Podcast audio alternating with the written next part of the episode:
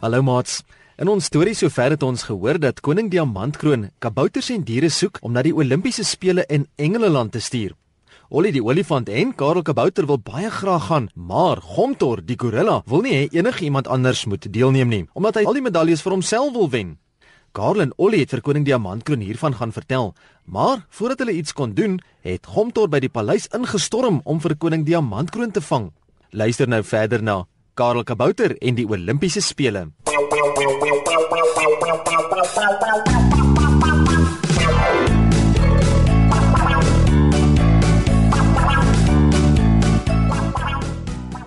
Koning Diamantkroon frons kwai toe die groot swart gorilla Gomtor al grommende op hom afgestap kom. Hy trek sy swaard uit die skede langs sy sy en hou dit voor hom uit in sy hand. Wie gee jou die reg om hier in my troonkamer te kom, gorilla? sê hy en kyk vir Gomtor in sy oë. Vir jou is ek nie bang nie. Moenie dink dat jy my so maklik sal omslaan soos jy met my kabouterwagte gedoen het nie. Gomtor die gorilla grom en hy lag. Ek is baie sterker as jy, koning Diamantkroon. sê hy en stap dreigend nader. Jy is nou my gevangene en sal doen soos ek sê. Voordat koning Diamantkroon mooi weet wat gebeur, klap Gomtor die swaard uit sy hand en gryp die koning voor sy bors vas. So ja. Grom hy en begin koning Diamantkroon se hande vaspind met die mantel wat om sy skouers hang. Nou sal ons sien wie is bang vir wie en wie is baas. Koning Diamantkroon spartel en skop soos hy probeer loskom. Die volgende oomblik hoor Gomtor die harde trompeter van 'n olifant agter hom. Toe hy omkyk, sien hy vir Ollie die olifant aangehardloop kom. Los dadelik vir koning Diamantkroon uit. Roep Ollie kwaai uit en hy slaan sy slurp teen Gomtor se skouer. Gomtor struikel eenkant toe en koning Diamantkroon ruk hom los uit Gomtor se hande. Ek sal nie toelaat dat jy vir koning Diamantkroon seermaak nie, Gomtor. Baklei 'n slag met iemand net so groot soos jy. Roep Ollie uit en hy gaan staan op sy agterpote voor Gomtor en trompeter hard. Gomtor probeer regop spring, maar Ollie stamp hom weer met sy slurp dat hy op die grond val. Hy grom kwaai en rol eenkant toe om op sy voete te kom. Dink jy ek is bang vir jou, olifant? Ek sal jou 'n ding wys.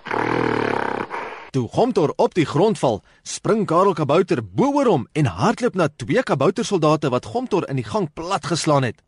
Hy gryp hulle boeie uit hulle sakke, hardloop terug en voordat Gomtor mooi weet wat gebeur, het Karel sy hande met die een stel boeie vasgemaak. Hy gooi die ander stel boeie na Ollie en hy roep: Vang Ollie, boei hom toe sy voete hiermee vas. Ollie vang die boeie met sy slurp en hy gaan sit met sy groot lyf op die spartelende en skoppende Gomtor, die gorilla. Hou op skop, Gomtor. sê Ollie en hy gryp sy twee voete in sy groot olifanthande vas. Hy klap die boeie om Gomtor se voete en hy staan toe op. So ja, koning Diamantkroon. sê Ollie en hy tel vir Gomtor op sy skouer en stap met hom tot voor koning Diamantkroon wat weer op sy troonstoel gaan sit het. Hier is die self is 'n 'n selfsug 'n selfsugtige een van wie ons gepraat het. sê Ollie en laat gly vir Gomtor van sy skouer af terwyl hy met 'n groot glimlag na Karel Kabouter kyk. Ek het die groot woord onthou, Karel. Selfsugtig. Gomtor die gorilla grom en hy spartel, maar loskom van die boeie is pure verniet. Wag net dat ek julle in die hande kry, kabouter en olifant. Dan sal ek julle 'n ding of twee wys. Koning Diamantkroon staan op van sy troonstoel af en stap na die spartelende Gomtor. Dis eerder ons wat jou 'n ding of twee gaan wys, Gomtor. Sê koning Diamantkroon kwaai. Hoe kon jy gedink het dat ek net vir jou na die Olimpiese spele sou stuur? Ah nee, ah, dis mos selfsugtig net soos Ollie daar sê. Koning Diamantkroon kyk na Ollie wat agter Gomtor staan. Hy haal 'n bos sleutels uit sy sak en sê: Ollie, dit lyk my Gomtor het al my wagte platgeslaan in die gang. Sal jy asseblief vir Gomtor na die tronk hier om die draai dra en hom daar toesluit? Hy sal daar bly totdat die Olimpiese span na Engeland vertrek het. So kan hy niemand meer pla nie. Gomtor die gorilla brul en skree van woede. Maak my los, ek is die beste.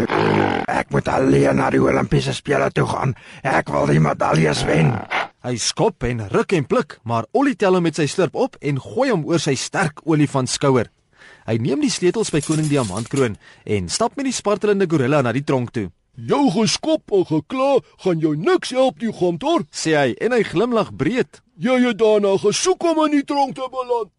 Toe Ollie die olifant na 'n rukkie van die tronk af terugkom, roep koning Diamantkroon vir hom en Karel Kabouter nader, na waar hy weer op sy troonstoel gaan sit het. Baie dankie Karel en Ollie dat julle my gehelp het om Gomtor die gorilla te vang. Sê hy en kyk van die een na die ander. Gaan julle twee ook wil deelneem aan die Olimpiese spele in Engeland? Karel Kabouter se oë blink en hy is baie opgewonde, Ja, koning Diamantkroon. sê hy en hy sit sy arm om sy beste dieremaatjie, Ollie die olifant se skouer. Toe blits u boodskapper Kabouter vir ons die nuus bring dat u 'n Olimpiese span na Engeland gaan stuur, het ek en Ollie dadelik begin oefen.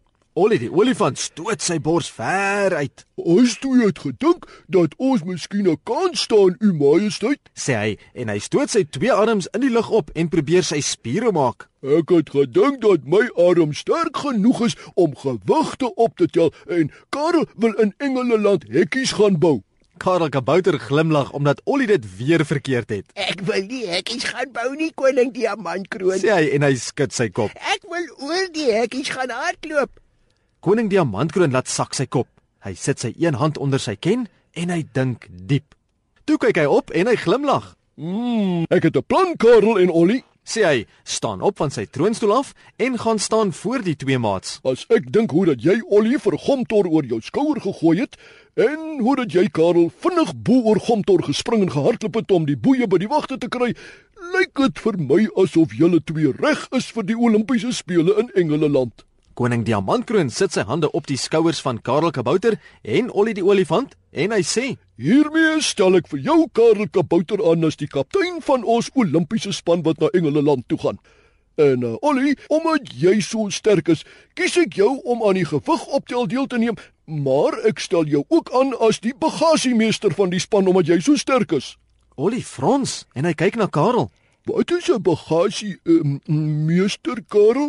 Sê Ollie en kyk na koning Diamantkroon. Ek weet net van 'n meester wat klas gee in die skool. Moet ek vir die bagasie gaan klas gee in Engeland? Dan gaan ek mos nooit aan die gewig optel kan deelneem nie. Koning Diamantkroon glimlag. Hy sien dat Ollie baie naby aan trane is, Nee, Ollie, sê hy en hy tik vir Ollie op sy skouer. 'n bagasiemeester het niks met klas gee te doen nie. Jy moet net oral waar jy van die vliegtuig afklim, gou help om almal se bagasie te kry en in die busse te laai. Met jou sterk arms en slip kan dit sommer vinnig gebeur. Jy sal baie tyd hê om nog ook te kan deelneem. Ollie die olifant kyk na Karel en hy glimlag dat jy sy twee ivoortande ver by sy mond sien uitsteek. Hy is baie bly dat koning Diamantkroon sy sterk arms raak gesien het. Nadat koning Diamantkroon die ander spanlede gekies het, het Kabouter en Diereland se span saam met Karel Kabouter en Ollie die olifant na die Olimpiese spele in Engeland vertrek. Daar het hulle baie medaljes gewen. Maar hieroor hoor ons in 'n volgende storie.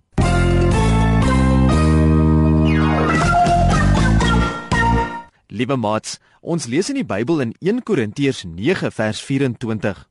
Weet julle nie dat atlete wat aan 'n wedloop deelneem, wel almal hardloop, maar dat net een die prys ontvang nie?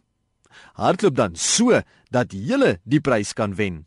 Ons is almal soos atlete in God se atletiekspan hier op aarde en weet jy, elkeen van ons is wenners.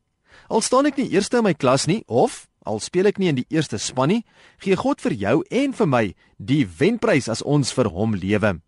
Ek groet tot 'n volgende keer. Totsiens.